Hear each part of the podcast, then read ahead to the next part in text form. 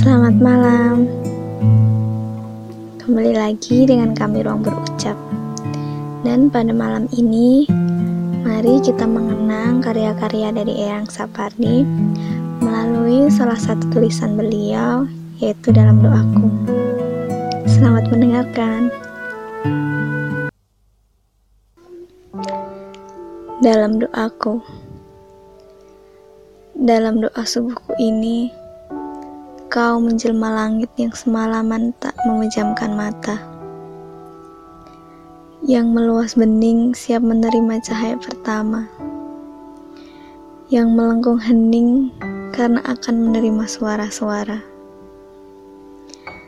Ketika matahari mengambang di atas kepala, dalam doaku, Kau menjelma pucuk-pucuk cemara yang hijau senantiasa. Yang tak henti-hentinya mengajukan pertanyaan muskil kepada angin yang mendesau entah dari mana. Dalam doaku sore ini, kau menjelma seekor burung gereja yang mengibas-ibaskan bulunya dalam gerimis. Yang hinggap di ranting dan menggugurkan bulu-bulu bunga jambu yang tiba-tiba gelisah dan terbang, lalu hinggap di dahan mangga itu. Maghrib ini dalam doaku, kau menjelma angin yang turun sangat perlahan dari nun di sana.